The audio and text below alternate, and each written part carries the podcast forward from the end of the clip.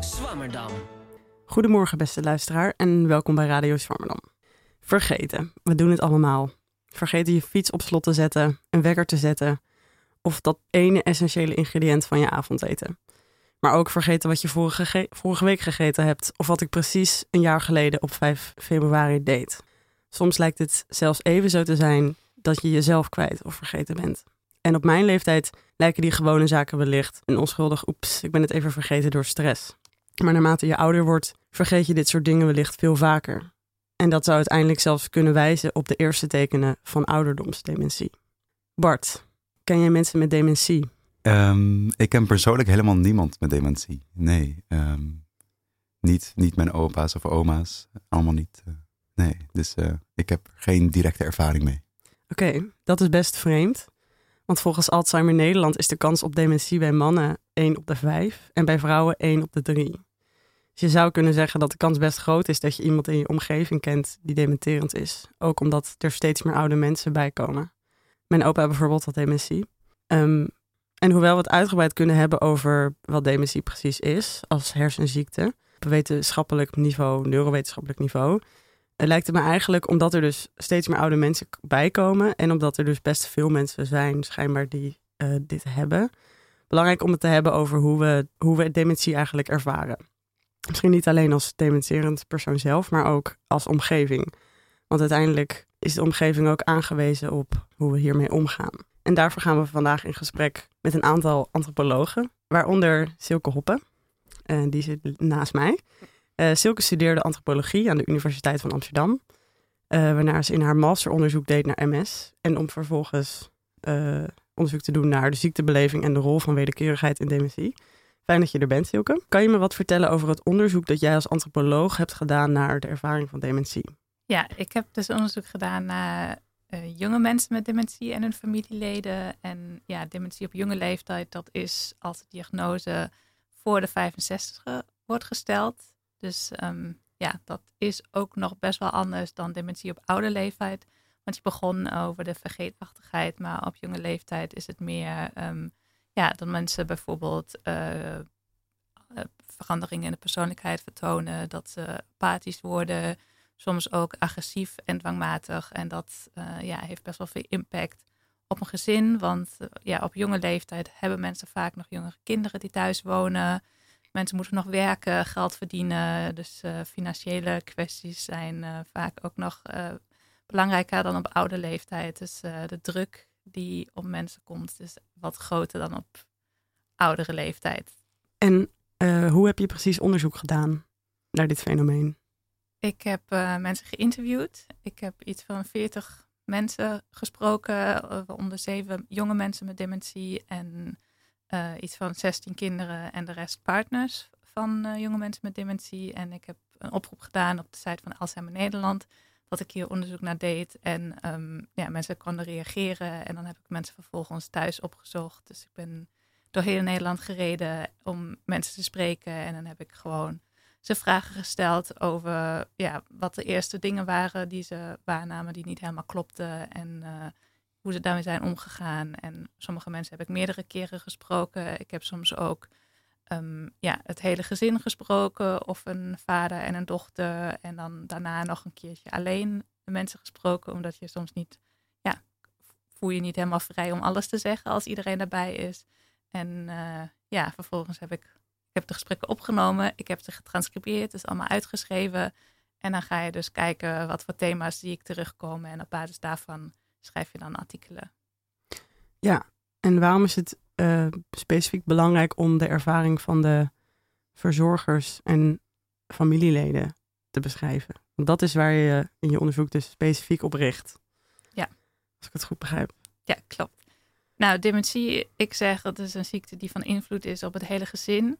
En dat het ook dus belangrijk is om niet alleen maar naar de persoon met dementie te kijken of alleen naar de persoon met dementie en de, de mantelzorger, maar ook eigenlijk naar het hele systeem, omdat ja, de relaties veranderen binnen het gezin. Dus, en ja, het is een soort van voor de hand liggend dat de relatie met de, de ouder die dementie heeft verandert of de partner die dementie heeft uh, verandert. Maar je, je relatie tot je gezonde ouder verandert vaak ook, omdat mensen zeggen van... Uh, ja, mijn moeder die is zo bezig met de zorg voor papa. Die heeft eigenlijk nauwelijks meer tijd voor mij. Of die komt niet meer naar mijn verjaardag omdat ze er geen tijd of energie meer voor heeft. Of kan niet meer genieten van een bezoekje in de sauna. Dus dat heeft ook best wel veel impact op die andere relaties. Die relatie tot je broer en zussen kunnen veranderen omdat je er anders in staat. Omdat je vindt dat je broer of zus te weinig doet. Of uh, dingen verkeerd aanpakt of te emotioneel wordt. Dus dat ja, heeft best wel veel impact op uh, ja, de relaties tussen gezinsleden. En waarom is het belangrijk om dat in kaart te brengen? Wat doe je daar vervolgens mee? Nou, dat uh, kan denk ik helpen om ook de zorg te verbeteren voor mensen met dementie en hun familieleden. Want nu is de zorg nog veel gericht ook dan op de persoon met dementie en de mantelzorgen. Maar ik wil eigenlijk, ja, in mijn onderzoek pleit ik voor een systemische benadering. Zo van, nou, het is ook belangrijk om naar de andere stemmen te luisteren, om naar de kinderen te luisteren en ook die aan het woord te laten. Want ja, de impact op hun leven is best wel groot, heb ik gemerkt in mijn onderzoek. Bijvoorbeeld ook dat ja, kinderen dan besluiten om niet naar het buitenland te gaan of niet te ver weg voor een studie, omdat ze toch uh, ja, in de buurt willen blijven van een ouder met dementie. En ja, op nog heel veel andere vlakken is het van impact. En uh, ja, om mensen goed te kunnen begeleiden is het ook belangrijk dat hun problemen in kaart worden gebracht. Ja, want krijgen mensen eigenlijk begeleiding als ze te horen krijgen dat um, hun partner of familielid dementerend is? Hoe gaat dat precies in zijn werk? Ja, dat is niet per se dat dat standaard wordt aangebracht. We hebben natuurlijk een gesprek bij de neuroloog meestal waar de diagnose wordt gesteld. En uh, ja, dan uh, zijn er verschillende opties. Mensen kunnen bijvoorbeeld gebruik maken van een case manager, maar het ligt ook een beetje aan in welke regio je woont. Sommige mensen willen dat ook niet. En ja, er staat natuurlijk een website van Alzheimer Nederland, waar mensen veel informatie kunnen krijgen. Maar uh, ja, volgens mij moeten mensen dat vaak wel een beetje zelf uitzoeken. En ook uitzoeken wat wel voor ze werkt en wat niet voor ze werkt. Want er komt natuurlijk een heleboel bij kijken, ook qua regeltjes. En uh, nou ja, bijvoorbeeld als ja, dat je financiën wil regelen voor als de persoon met dementie dat ooit niet meer kan, dat het allemaal goed geregeld is. En uh, ja, het is niet dat er dan één persoon erbij komt die, die mensen in het hele traject meeneemt. Het kan de case manager zijn, maar het niet in alle gevallen. Ja, zou je misschien wat kunnen vertellen over de ervaringen die je, waarvan je hebt gehoord? Omdat het mij in eerste instantie heel zwaar lijkt, eigenlijk, om uh, constante zorg te dragen. Ja, dat is ook wat ik uit de gesprekken heb gehoord. Dat uh, mensen het behoorlijk pittig vonden en een uitdaging. Um, ook omdat het zo'n lang proces is. Uh, sommige mensen ja, die, die zorgen ongeveer tien jaar voor de persoon met dementie thuis. En dat is natuurlijk een hele lange periode. En ze kunnen dan ja, steun krijgen, maar vaak ja, zijn zij dan toch degene die de meeste, het meeste doen qua zorg. En wat denk ik het zwaarste is, wat ik uit mijn onderzoek heb gehoord, zijn de, de persoonlijkheidsveranderingen. Dus als mensen dwangmatig of agressief worden. Ik heb bijvoorbeeld uh, van één persoon gehoord die wilde altijd een bepaald soort appel. Laten we zeggen, de. Ik weet niet meer welke soort appel het was. Maar, en dat die vrouw ook de stickers verzamelde voor als ze een keer de verkeerde appel kocht. Dan, dan plakte ze dat op die sticker, omdat die man helemaal flipte als het niet de goede appels waren. En uh, ja, dat is denk ik ook een voorbeeld van. En zij hadden altijd een hele goede relatie ja, wat het absoluut niet voorkwam. En dan gewoon van die kleine dingen waar iemand dan heel boos op kan worden, over kan worden. En wat natuurlijk ook heel erg de, de sfeer bepaalt. En dat, ja, dat is heel zwaar. Ook um, op een gegeven moment, ja, als het te zwaar wordt van nou, misschien toch de persoon met dementie naar een verpleeghuis gaan. Nou, partners voelen zich vaak heel schuldig. Ik heb ook een enkele geval gehoord dat de partner had beloofd dat dat niet zou gebeuren. Nou, dan maak je het jezelf ook nog zwaarder. Als het dan wel denkt van, nou, ik trek, trek dit niet meer. Um, en natuurlijk, ja, verpleeghuizen dit moment hebben mensen daar niet echt een, een positief beeld bij. Dus dat helpt ook niet um, ja, om je partner daar dan heen te sturen. Um, en ook, ja, dat als de partner daar is, dat er dan veel dingen misgaan. Dus dat het ook soms moeilijk is om de zorg uit handen te geven. Maar ja, dus het blijft moeilijk. Dus het is in die zin een heel lang, uh, zwaar proces. Ik, maar ik wil ook niet alleen maar negatief over praten. Mensen ja, hebben ook vele mooie dingen beschreven van ja, momenten van connectie met de persoon met dementie en uh, dingen die ze hebben geleerd. Dat bijvoorbeeld ook wel de relatie met vrienden verbeterd is door de situatie. In sommige gevallen ook verergerd dat mensen vrienden kwijt zijn geraakt, omdat het ja, het buitenstaande ook best wel moeilijk is om met de persoon met dementie om te gaan, omdat wij allemaal gewend zijn van nou, we voeren gewoon een normaal gesprek. En als de ander niet meer normaal tussen aanhalingstekens reageert, dan, ja, dan is het een beetje ongemakkelijk en dat vinden mensen soms moeilijk en dan, uh, dan blijven ze weg. Ja, dus onbegrip vanuit buiten. Dat lijkt me ook lastig. Heb je het gevoel dat toen je in gesprek ging met deze mensen, dat dat een soort gevoel van erkenning of wederhoor gaf? Nou, ik had het gevoel dat mensen het wel fijn vonden om met mij te praten en om het aan mij te vertellen. Um, sommige interviews duurden ook echt vijf uur. Dus um, ja, dat is voor mij een teken dat mensen heel veel te vertellen hebben. En uh, ja, dat, dat sommige mensen ook, want ik denk, sommige mensen dachten ook van ja, ik wil mijn vrienden dan niet de hele tijd mee lastigvallen. Want ja, dit speelt natuurlijk al best wel lange tijd. Je wil niet elke keer daarover hebben, maar het is wel iets wat je dagelijks leven bepaalt. En nou, ik was natuurlijk dan ook geïnteresseerd juist in die moeilijke ervaringen. En ja, ik, ik hoop dan dat het voor mensen ook wel fijn was om dat aan mij te kunnen vertellen. Dat is wel wat ik in de meeste gevallen terug heb gehoord. Ja, Um, tijdens je onderzoek heb je uh, ook wat opnames gemaakt van de gesprekken die je hebt gevoerd. En we gaan zo meteen luisteren naar een uh, fragment. Zou je alvast kunnen toelichten uh, met wie je spreekt en een beetje de context van het fragment? Het gaat over, een, over de mensen die weg willen gaan thuis en nog moeten wachten op de, de, de dementerende persoon die bovenaan de trap staat. Ja, dat is uh, een gesprek met een partner die ik had. Ik uh, noem haar Yvonne. En um, ja, zij was, um, haar partner was in de 40 toen de eerste symptomen optraden. En het waren voornamelijk problemen op werk.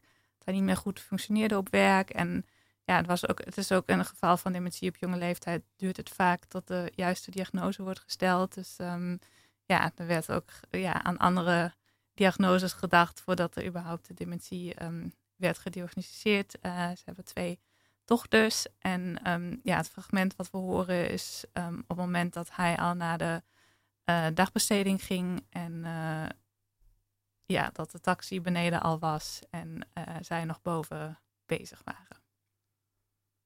Zo'n dieptepunt op zo'n dag dat je gewoon even zo moe bent dat, en iemand vraagt dan iets aan je, ook al vraagt hij het heel netjes of heel beleefd, dat je echt zoiets hebt van, ik kan niet eens op tien, tellen om me netjes te gedragen. Ja, nee. Ja. En ik denk dat ook, uh, Silke, dat dat de, de signalen zijn die hulpverleners hopen op te vangen, zodat zij doorhebben van hier is meer hulp nodig, hier moet wat gebeuren. En ik denk ook de mensen die dat maar krampachtig proberen niet te laten zien, uh, ja, zichzelf echt tekort doen. Ja, want volgens mij heb ik wel eens verteld, ik denk dat die maatschappelijk werker daarop doelde, dat ik wel eens heb gehad dat ook boven aan de trap stond. En um, hij moest naar beneden, of dat de, de taxi er al was of kwam, ik weet het niet. Maar dat ik echt zoiets had van, schiet nou even op, weet je wel. Dat de frustratie bij mezelf uh, voelde dat je bijna de neiging kreeg om hem even een flinke zet te geven. En dat zelfs door je hoofd flitst van, misschien zijn we er dan wel vanaf, kun je nagaan hoe erg. ik weet wel dat ik dat daar toen in de groep vertel, dat je bij jezelf, je doet het niet. Maar het feit dat dat door je hoofd gaat en dat je echt bij jezelf merkt van, dit is niet goed dat ik dit, dit denk. Nee, dit is niet goed. Dat ik echt zoiets heb van, ja. Ja, toen ik dit fragment voor het eerst hoorde, vond ik het best wel heftig om te horen dat je, nou ja, dat dit dus kan gebeuren. Heb je dit in meerdere gesprekken, kwam dit uit meerdere gesprekken naar voren? Ja, ja ik vond het toen ook uh, best wel heftig. En uh, was niet, kwam niet in elk gesprek naar voren, maar het heeft denk ik ook een beetje te maken. Ik vond het heel, ja, indrukwekkend dat die vrouw dat ook met mij durfde te delen. En zij was ook juist van, ja, soms ontstaat er zo'n beeld van je moet altijd geduldig zijn, je moet altijd vriendelijk zijn. En dat, ja, soms ben je zo onder stress dat je ook dingen doet of zegt waar je niet trots op bent. En um, ja, ik had nog een andere man gesproken die zei ook van dat hij soms een huis in de fik wilde steken om daar maar van af te zijn. Dus ehm, ja, die enorme stress, dat, uh, dat heb ik wel vaker gehoord. En dat is denk ik ook iets, ja, nu een beetje in de maatschappij hebben we het over, nou, mensen met dementie moeten zo lang mogelijk thuis blijven en de familie moet zoveel mogelijk van de zorg overnemen. En ik denk van, ja, maar je moet ook echt uitkijken voor overbelasting. En want ja, als je dit soort uitspraken maakt, dan, dan is het denk ik gewoon te veel en hebben mensen niet de juiste ondersteuning. En ik denk ook misbruik, ja, schelden, persoon met dementie uitschelden of misschien zelfs geweld gebruiken, dat dat op de loer ligt als mensen zo overbelast zijn. Ja, en hoe, hoe maak je dit uiteindelijk zichtbaar? Want je hebt natuurlijk, je schrijft dit op in een onderzoek. Dat publiceer je misschien in een tijdschrift of, of wetenschappelijke tijdschriften. Hoe zorg je ervoor dat dit de wereld bereikt? Nou, door op de radio daarover te hebben bijvoorbeeld. Ja.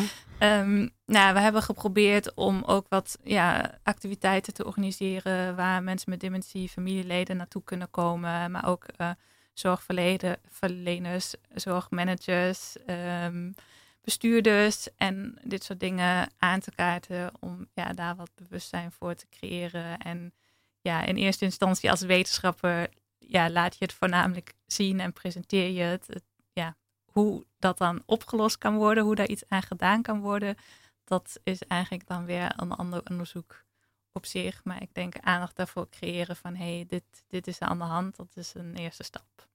Ja, um, over die zichtbaarheid en het belang van beschrijven van de ervaring van dementie, had ik het ook met Annelieke Driessen. Daar heb ik vorige week al een gesprek mee gehad en dat opgenomen. En uh, is etnograaf en kwalitatief onderzoeker aan de Universiteit van Oxford. En ze is werkzaam uh, aan de, de London School of Hygiene and Tropical Medicine. En als medisch antropoloog is ze geïnteresseerd in zorgpraktijken met de focus op hoe kennis, waarden en subjectiviteiten hierin samen voorkrijgen.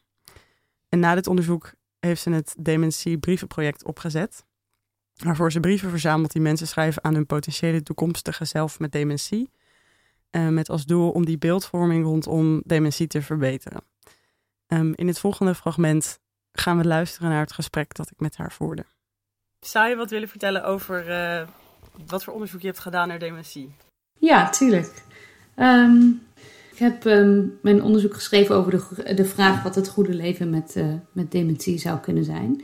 Daar is weinig voorstelling van. Um, er zijn veel negatieve beelden over wat um, dementie inhoudt. Die circuleren in media en uh, verhalen. Al moet ik een beetje nuanceren over dat het wel.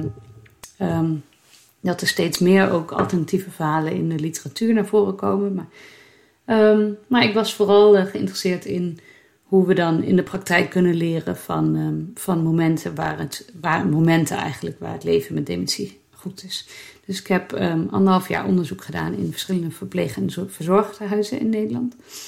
En um, ja, dat dus vanuit, vanuit die um, observatie dat het goede leven in de filosofie en uh, in alledaagse interacties uh, langdurige pro progressieve ziektes echt uitsluit. Dus het idee dat je, uh, als je over het goede leven nadenkt, dat dat eigenlijk pas, of dat dat dat het niet mogelijk is als er, zodra er een langdurige progressieve ziekte bij komt kijken, zoals dementie. Um, dus ik ben eigenlijk in de praktijk gaan kijken als antropoloog van um, in, op welke momenten kan dat anders en op welke manieren mensen er proberen iets van het, uh, het dagelijks leven met dementie te maken. En um, wat we daarvan praktisch zouden kunnen leren en, uh, en theoretisch. Dus ik heb in mijn proefschrift aandacht besteed aan hoe zorg wordt georganiseerd en en waar zorg de focus op legt. Um, en dat, hoe dat op een grote mate ook kan bijdragen aan, um, aan hoe het leven met dementie uh, eruit kan komen te zien. Um, en ik heb eigenlijk beschreven hoe, hoe het.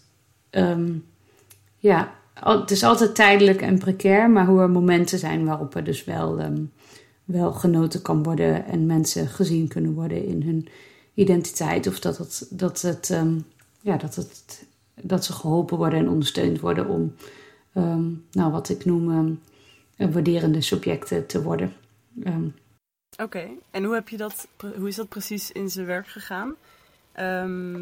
hoe zag het onderzoek eruit? Ja, ik ben uh, opgeleid als antropoloog en de, de grootste of de voornaamste methode van de antropologie is uh, de etnografie. En dat houdt in dat je interviews doet met mensen, observaties, uh, het participerende observatie veelal, dus meeloopt met mensen in de praktijk. Um, en uh, heel veel gesprekken voert tussendoor. Nou, eigenlijk gewoon gaat kijken en een kijkje gaat nemen in het dagelijks leven en dagelijks werk van, van mensen. Um, en dat heb ik dus ook gedaan. Dus ik heb uh, participerende observatie gedaan in die verzorgdhuizen en verpleeghuizen. Uh, en dat hield in dat ik zowel met verpleegkundigen ben meegelopen op het moment dat ze mensen uit bed haalden. En uh, als ze ontbijt uh, brachten bij ze um, op de kamer of op de huiskamer. maar dat ik ook meedeed met activiteiten. En zorgverleners daar een beetje ondersteunde. Maar ook expliciet uh, een beetje afstand heb genomen van de zorgverleners in wanneer ik met, met bewoners zelf wilde meelopen. Dus dat ik ook gewoon heel veel koffie heb gedronken met mensen um, aan tafels en uh, heb, heb uh, gezeten en mee, meegedaan met activiteiten of ook gewoon even niets heb gedaan met ze. Dus, of mee naar de sportles of zo. Ja, dus allerlei dingen die bewoners deden, deed ik, dan mee. En dan, um, ja, dan heb je de mogelijkheid om wat meer um, interactie te hebben met mensen en daar, daar dingen uit af te leiden. Um, nou zei ik dat ook interviews onderdeel zijn van de, van, uh, de, de etnografie. Uh, en dat is, ik heb ook wel interviews gedaan met familieleden en ook vooral met zorgverleners. Maar voor mensen met dementie is dat eigenlijk geen geschikte methode. Dus daarom is die observatie zo belangrijk. Dat je echt kan kijken naar wat, wat vinden mensen nou belangrijk. Wat vinden mensen met dementie belangrijk in die verpleeghuizen, in die verzorgingshuizen. En ja, wat kunnen we eigenlijk afleiden uit uh, wat, wat ze doen en wat ze, waar ze aan meedoen en wat ze liever niet doen. Uh, over wat, um, wat mensen waarderen en wat, wat ze niet zo waarderen. En daar dan uh, een alternatieve, ja, eigenlijk dat als alternatieve methode te gebruiken um, voor het interview, wat een hele prominente methode is in de sociale wetenschappen. Ja, want het lijkt me eigenlijk best wel moeilijk om nou ja, toch wel een hele subjectieve ervaring van een ziekte te moeten vatten in, nou ja, dus alleen maar observaties. Um, hoe heeft dat uiteindelijk, wat zijn de resultaten? Ja, ik denk dat het is een supergoeie observatie inderdaad, dat dat heel ingewikkeld is. Um, um, dat was ook een beetje het startpunt van het onderzoek. Van, betekent dat dan dat je niks kan zeggen over de subjectieve ervaring van mensen? en uh, daar wilde ik me eigenlijk niet bij neerleggen. Um, want dat zou betekenen dat we dus in het, in het vormgeven van uh, dat gesprek over wat nou belangrijk is voor mensen met dementie, hoe zeg maar, een goed leven eruit zou kunnen zien, dat mensen met dementie daar zelf, of ik moet eigenlijk zeggen, vergevorderde dementie, als dus, um, als dus die taalvinding steeds moeilijker wordt en, het, um, en mensen zich uitdrukken op een manier die voor anderen moeilijk als coherent te begrijpen is. Um, dat, dat ze op dat moment dan niet meer kunnen meepraten, letterlijk. Um, en dat zou eigenlijk een. Um, voor mij was dat een onbevredigend een uitgangspunt. Dat je, dat je dus dan, wat vaak gebeurt in onderzoek, mensen vraagt die dicht bij hen staan, dus familieleden of, of een partner of zorgverleners die, die, die hen vaak zien. Mm. Of dat je mensen dus in een eerder stadium van dementie vraagt. Maar ja, dat, dat laat het eigenlijk een beetje als een uh, black box over, toch? Wat, het nou, wat, dat, um, wat die subjectieve ervaring van vergevorderde dementie is. Dus um, vandaar, ik heb daar, um, daarin heel erg gezocht naar hoe je dat, dat beter zou kunnen doen.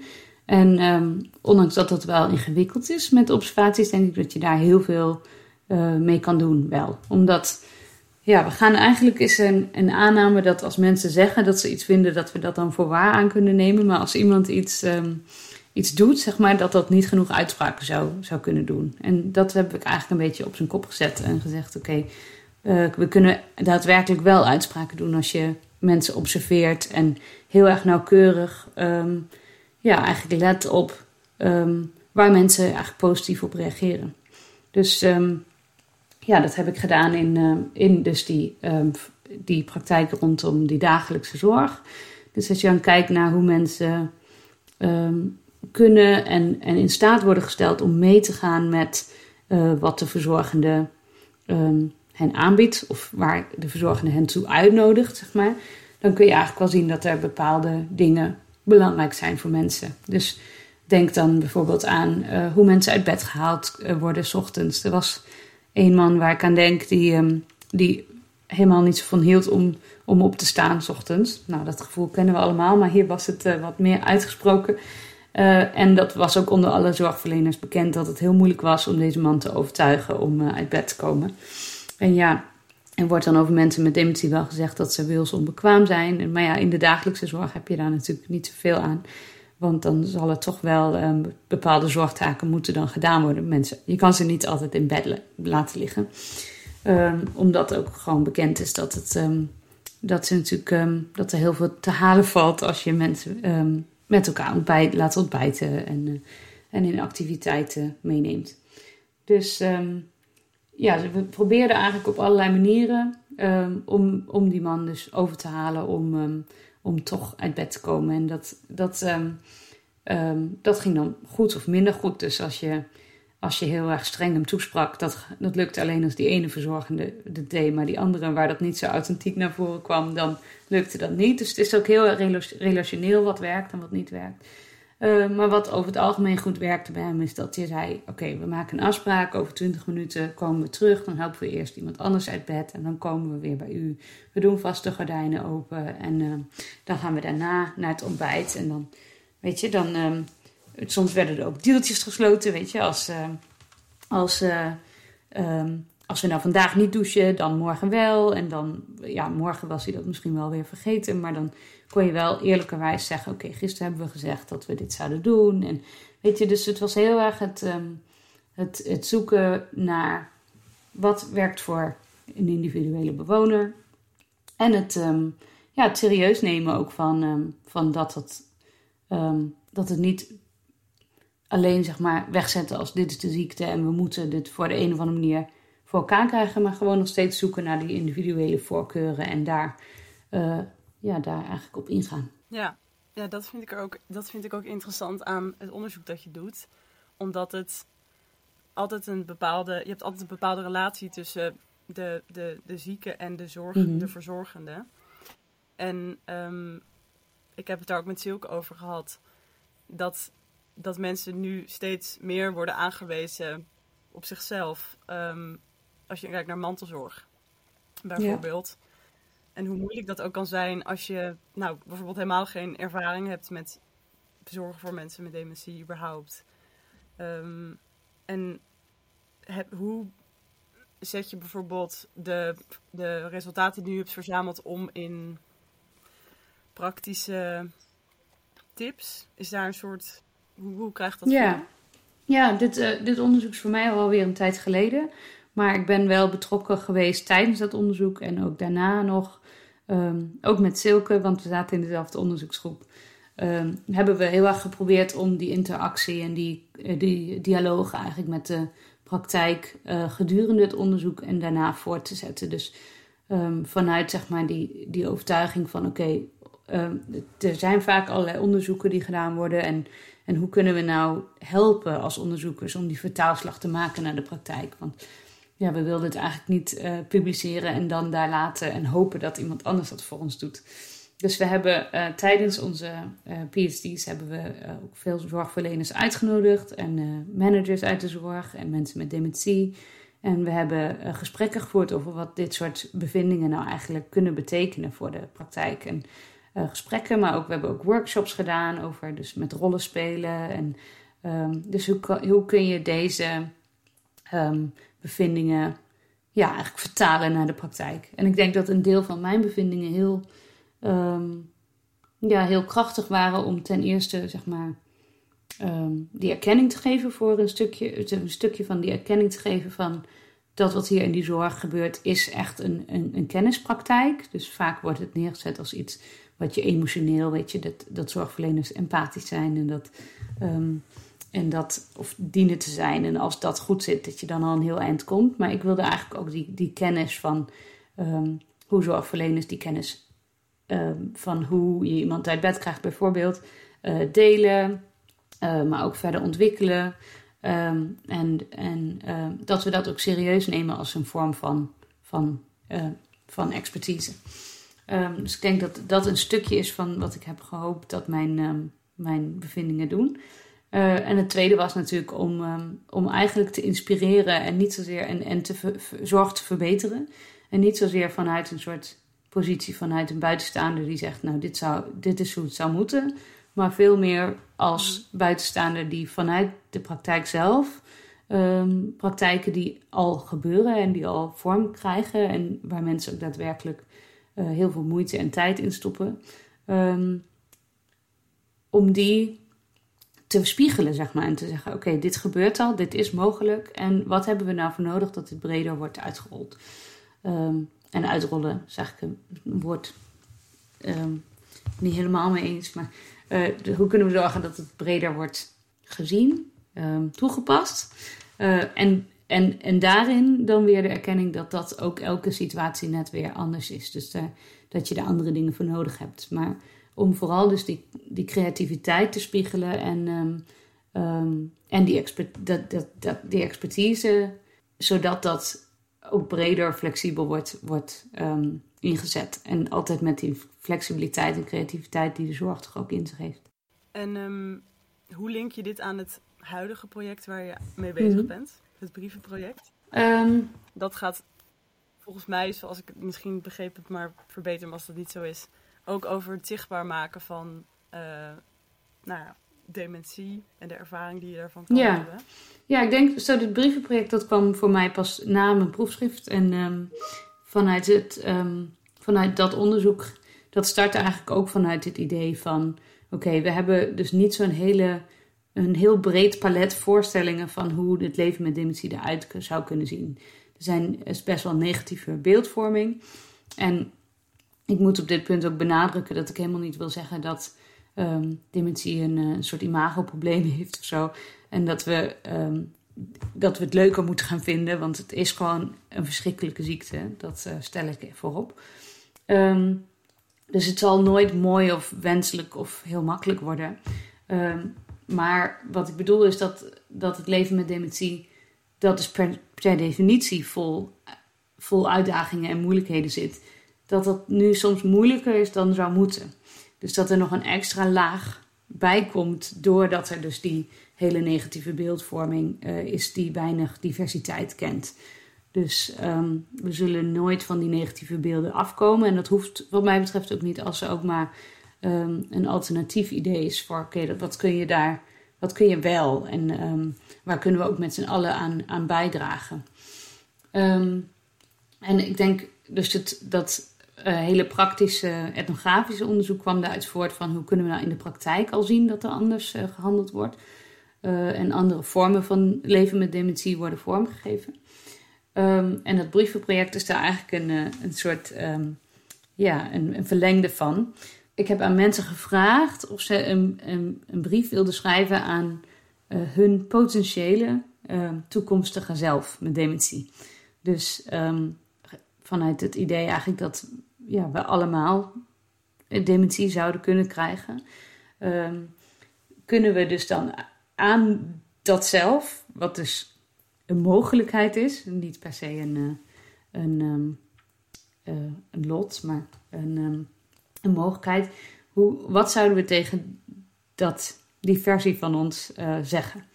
En ik denk dat in de opzet vraagt die vraag om mensen een brief, te, vraagt de vraag om een brief te schrijven aan, uh, vraagt om de erkenning van die mogelijkheid. Van oké, we moeten dementie als een, potentiële toekomst voor onszelf en anderen dicht bij ons serieus nemen.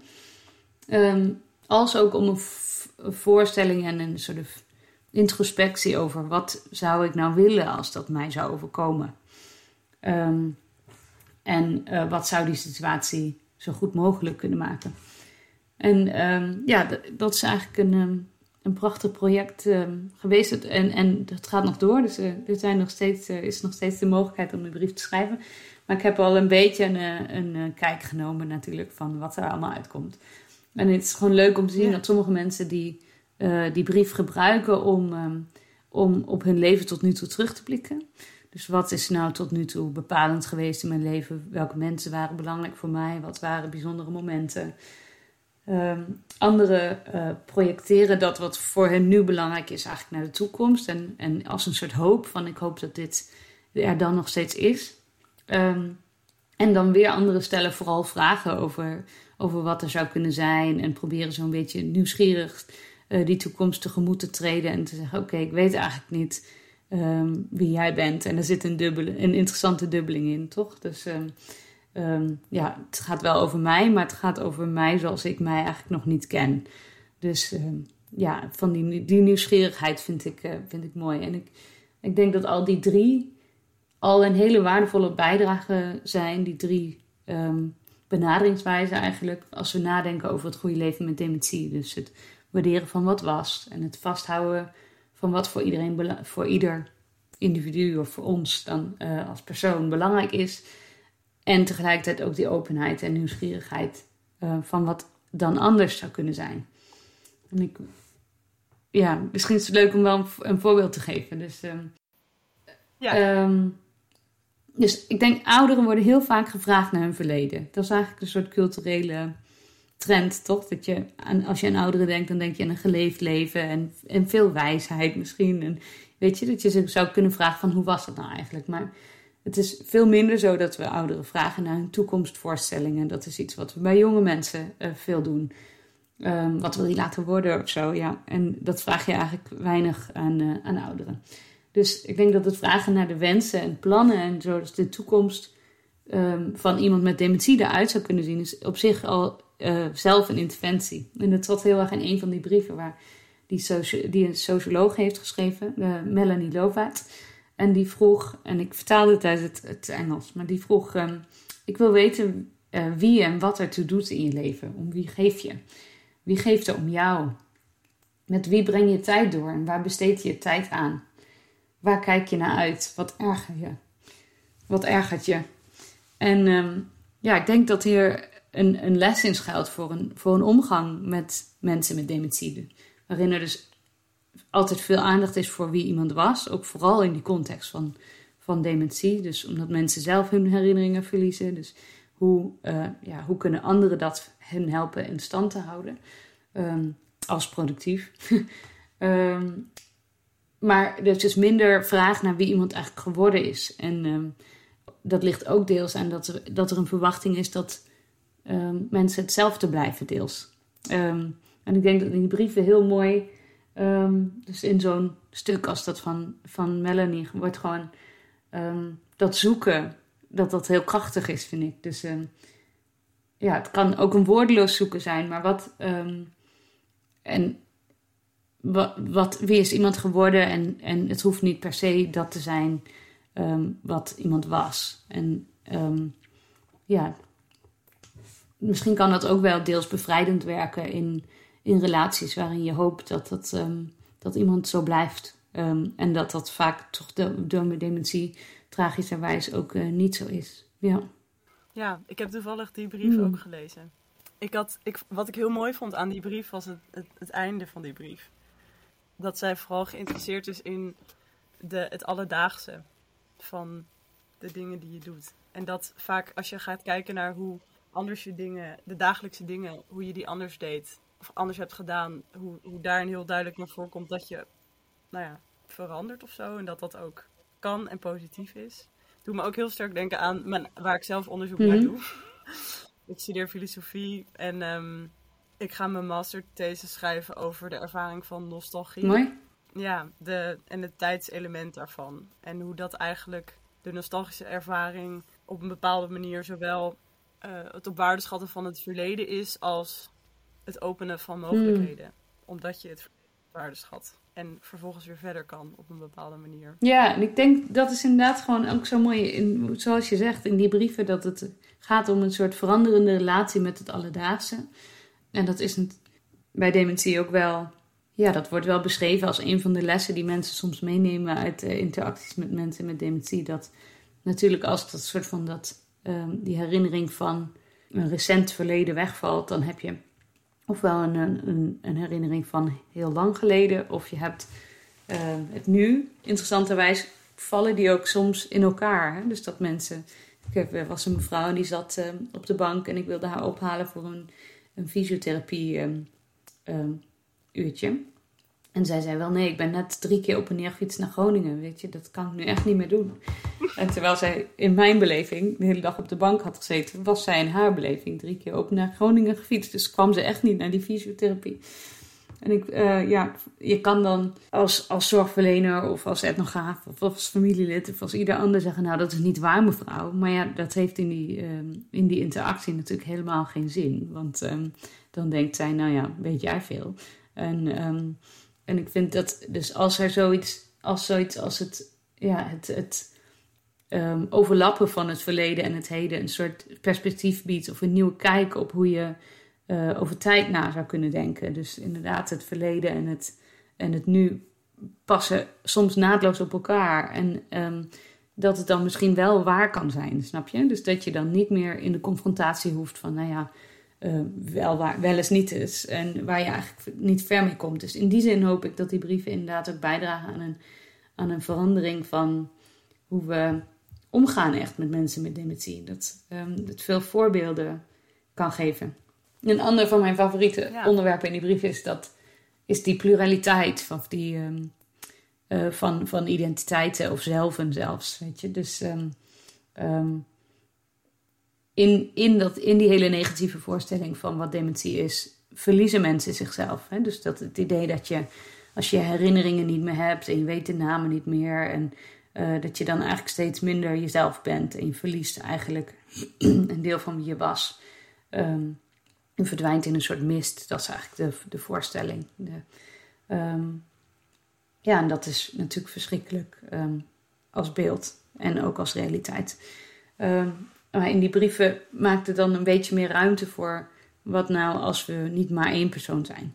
Dus het linkt ook weer aan inderdaad, hoe kan je, wie ben je geworden? En die nieuwsgierigheid. Maar dus een antropologe, een uh, Maddie Pearson die een brief heeft geschreven. En die, die zei in haar brief: Ik was nooit echt dol op onze naam. Ik weet niet of je hem nog weet, dus ik noem hem hier niet. Je kunt ons noemen zoals jij dat wil. Hoe voel jij? Hoe voelen wij ons vandaag? De zon schijnt, verlicht een ommuurde tuin. Misschien zijn we vandaag een marigold. Morgen is het misschien bewolkt en jij, wij zijn moe, in gedachten verzonken en teruggetrokken. Een willow misschien, zie je wel, een beetje ruimte om onszelf elke dag opnieuw te dromen. En ja, ik denk dat dat bijzondere aan het, een citaat zoals dit en het stuk uit andere brieven die eenzelfde punt maken, is eigenlijk dat soort wat ruimte verschaffen voor. Ja, we kunnen, die verandering is niet per se iets verkeerd. En nogmaals, ik wil daarmee niet zeggen dat dat, uh, als mensen dat zo ervaren, dat dat verkeerd is. Want het is um, is gewoon ook heel moeilijk om iemand die je door en door denkt te kennen um, aan je ontglipt. Um, maar gewoon als, als metafoor of als manier van nadenken over hoe, hoe kunnen we dat ook voor onszelf wat makkelijker maken, ondanks dat het heel erg moeilijk is. ja, denk ik dat, dat die, die ruimte van oké, okay, er zijn verschillende mensen die we kunnen zijn gedurende ons leven um, dat dat heel waardevol kan zijn. Er is ook een prachtig gedicht van uh, Tjitske Jansen, die, uh, waar het stuk in zit waar ze zegt: Ik groei maar mee met wie ik worden zal. Het gaat over een kastanje en die boom wordt en dat misschien niet wil. Maar ik vind het zo'n mooi idee ook van: we zijn natuurlijk niet statisch. We zijn, als ik denk aan mijzelf als puber of uh, zelfs drie jaar geleden, dan denk ik: Oh, ik was anders. Weet je, natuurlijk was er een soort essentie die ik voor mezelf als narratief um, door mijn leven trek. Of die er echt is of niet, dat laat ik maar in het midden. Maar ik denk dat die voor ons narratief geconstrueerd wordt. Maar, um, of dat we dat zelf actief doen. Dat dat is de verhalen die we over onszelf vertellen en die anderen over onszelf vertellen. Dat is een goed. Uh... Ja, ik, ik, vind het mooi dat we gesproken hebben over hoe dus dit soort creatieve onderzoeksmethoden ook kunnen eh, bijdragen aan een, aan een ander beeld uh, van dementie uh, te creëren, of een diverser beeld zou ik moeten zeggen. Um, waardoor dementie altijd moeilijk zal blijven, maar misschien net iets makkelijker kan zijn. En um, ja, ik denk dat het een, een ware taak is voor ons allemaal om te leren van ehm, van wat voor hoopvolle of positieve alternatieven er al zijn, maar ook die we zelf kunnen vormgeven.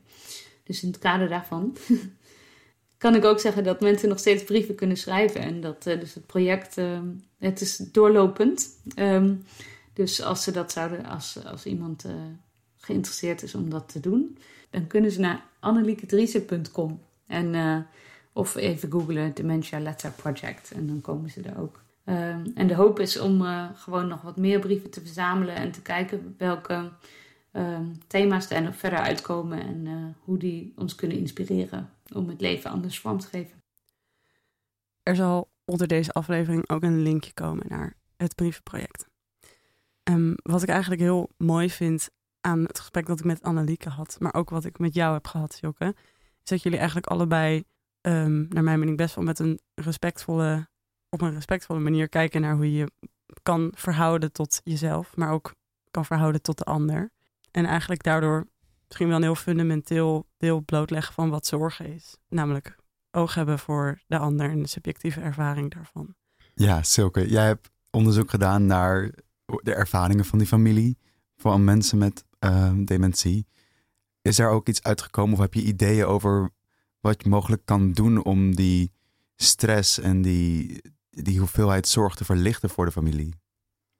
Ja, dat is uh, een goede vraag. Ik denk allereerst is het belangrijk om überhaupt te erkennen dat het heel zwaar is voor de families. Want dat is iets wat van buiten niet zo zichtbaar is. Nou, op jonge leeftijd, de persoon met dementie ziet er lichamelijk meestal nog vrij goed uit. En uh, ja, ik heb bijvoorbeeld ook een geval dat ze zeiden van nou, er is niks aan de hand. Ik heb net prima met hem over voetbal kunnen praten. maar dat, ja, dan, dan zien zij niet dat degene bijvoorbeeld niet meer staat is om zichzelf aan te kleden of zelfstandig te douchen. Dus um, ik denk één belangrijk ding is gewoon de erkenning dat het heel zwaar is en wat er allemaal bij komt kijken. Want dat is ook iets wat ik in mijn onderzoek heb gemerkt, dat mensen dat frustrerend vinden om dat constant aan de buitenwereld uit te moeten leggen. Of dat bijvoorbeeld de schoonfamilie het overdreven vindt dat de persoon met dementie of dat hun uh, familielid drie keer per week naar de dagopvang moet. En dan krijgen ze daar ruzie over. Dus um, dat zou helpen. En ik hoop mijn onderzoek daar ook aan uh, bij te dragen. En ja, vervolgens is denk ik ook ondersteuning uh, heel belangrijk. Bijvoorbeeld, um, ik heb nou, best wel veel kinderen gesproken. En dan bedoel ik eigenlijk volwassen kinderen. Maar die kenden elkaar eigenlijk niet. Dus die hebben dan gevoeld dat het hele traject best wel alleen doorlopen.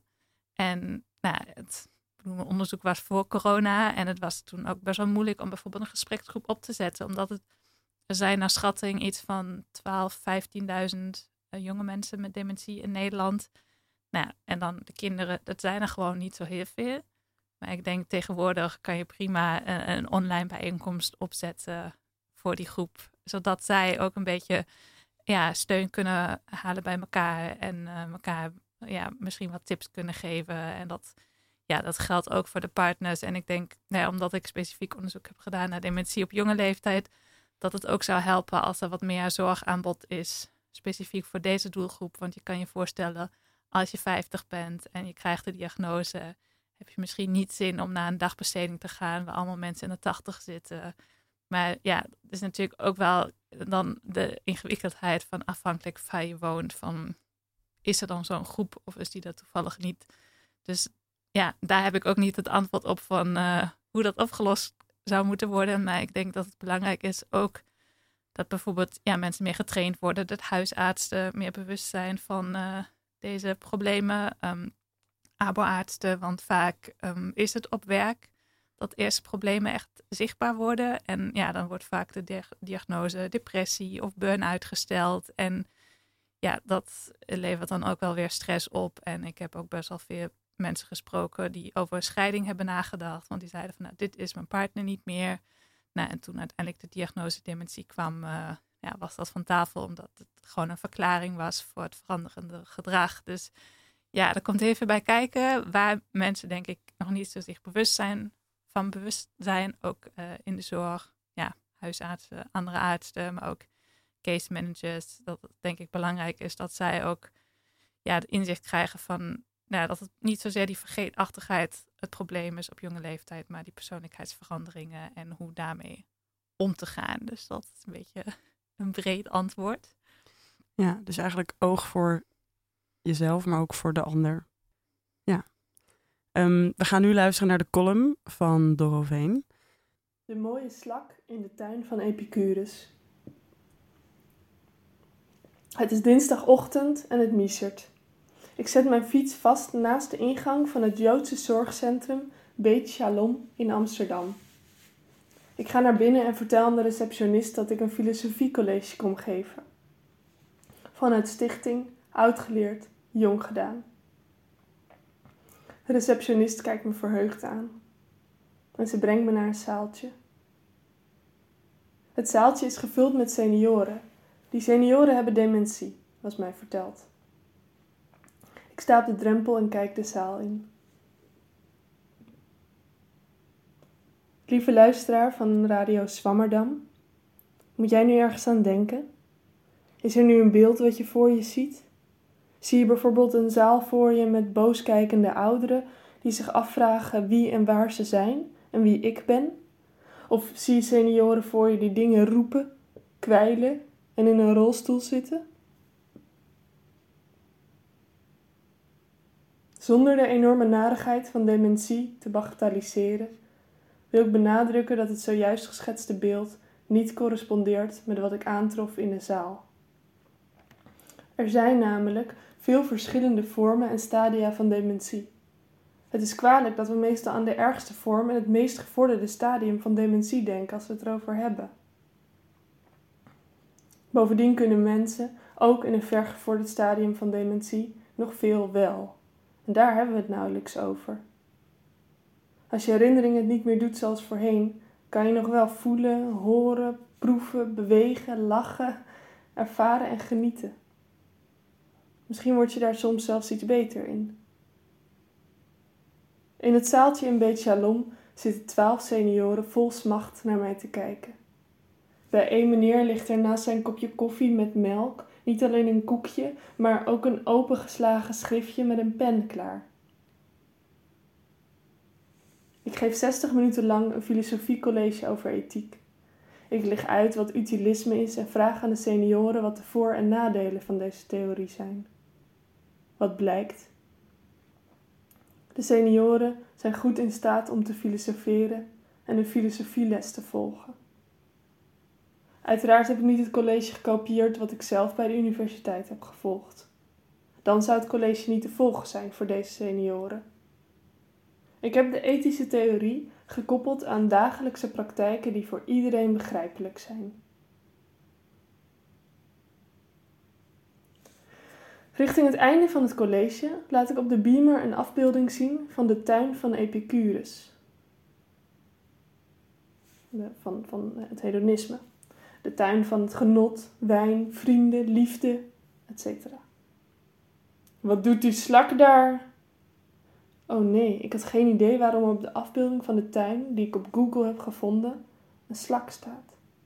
Ik bedacht niets. Hmm, misschien staat een slak symbool voor de tijd die gevoelsmatig stilstaat in de tuin van Epicurus, omdat het daar zo fijn is. De man knikt instemmend. Een paar minuten later vraagt hij weer wat die slak daar doet. Dit keer antwoordt ik. Ik weet het niet. Wat denkt u? Ik weet het ook niet, maar hij is wel heel mooi, zegt hij. Ja, denk ik. De slak is mooi. En misschien is de schoonheid van de dingen zien soms wel belangrijker dan een goed geheugen hebben.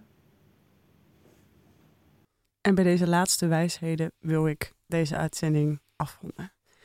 Hoewel er tot op heden geen geneesmiddelen zijn voor dementie, enkel medicijnen die het proces doen vertragen, hebben we andere manieren gevonden om om te gaan met het radicaal vergeten of veranderen. Bijvoorbeeld door ons te richten op de toekomstige jij of ik, zoals in het brievenproject. Ik wil Silke Hoppen en Annelieke Driessen bedanken voor de interessante, maar vooral belangrijke gesprekken. Doroveen voor de column van vandaag. Belle Intema voor het verzorgen van de techniek. En Bart voor het zijn van de tweede presentator. Volgende week zijn we er weer. Zelfde tijd, zelfde plaats. Uh, niet met mij, Emrans Kaptein, maar met een van mijn mederedacteuren. En u kunt zoals altijd de aflevering terugluisteren op uw podcastkanalen. Spotify, Soundcloud en iTunes. Voor nu zeg ik fijne zondag. Música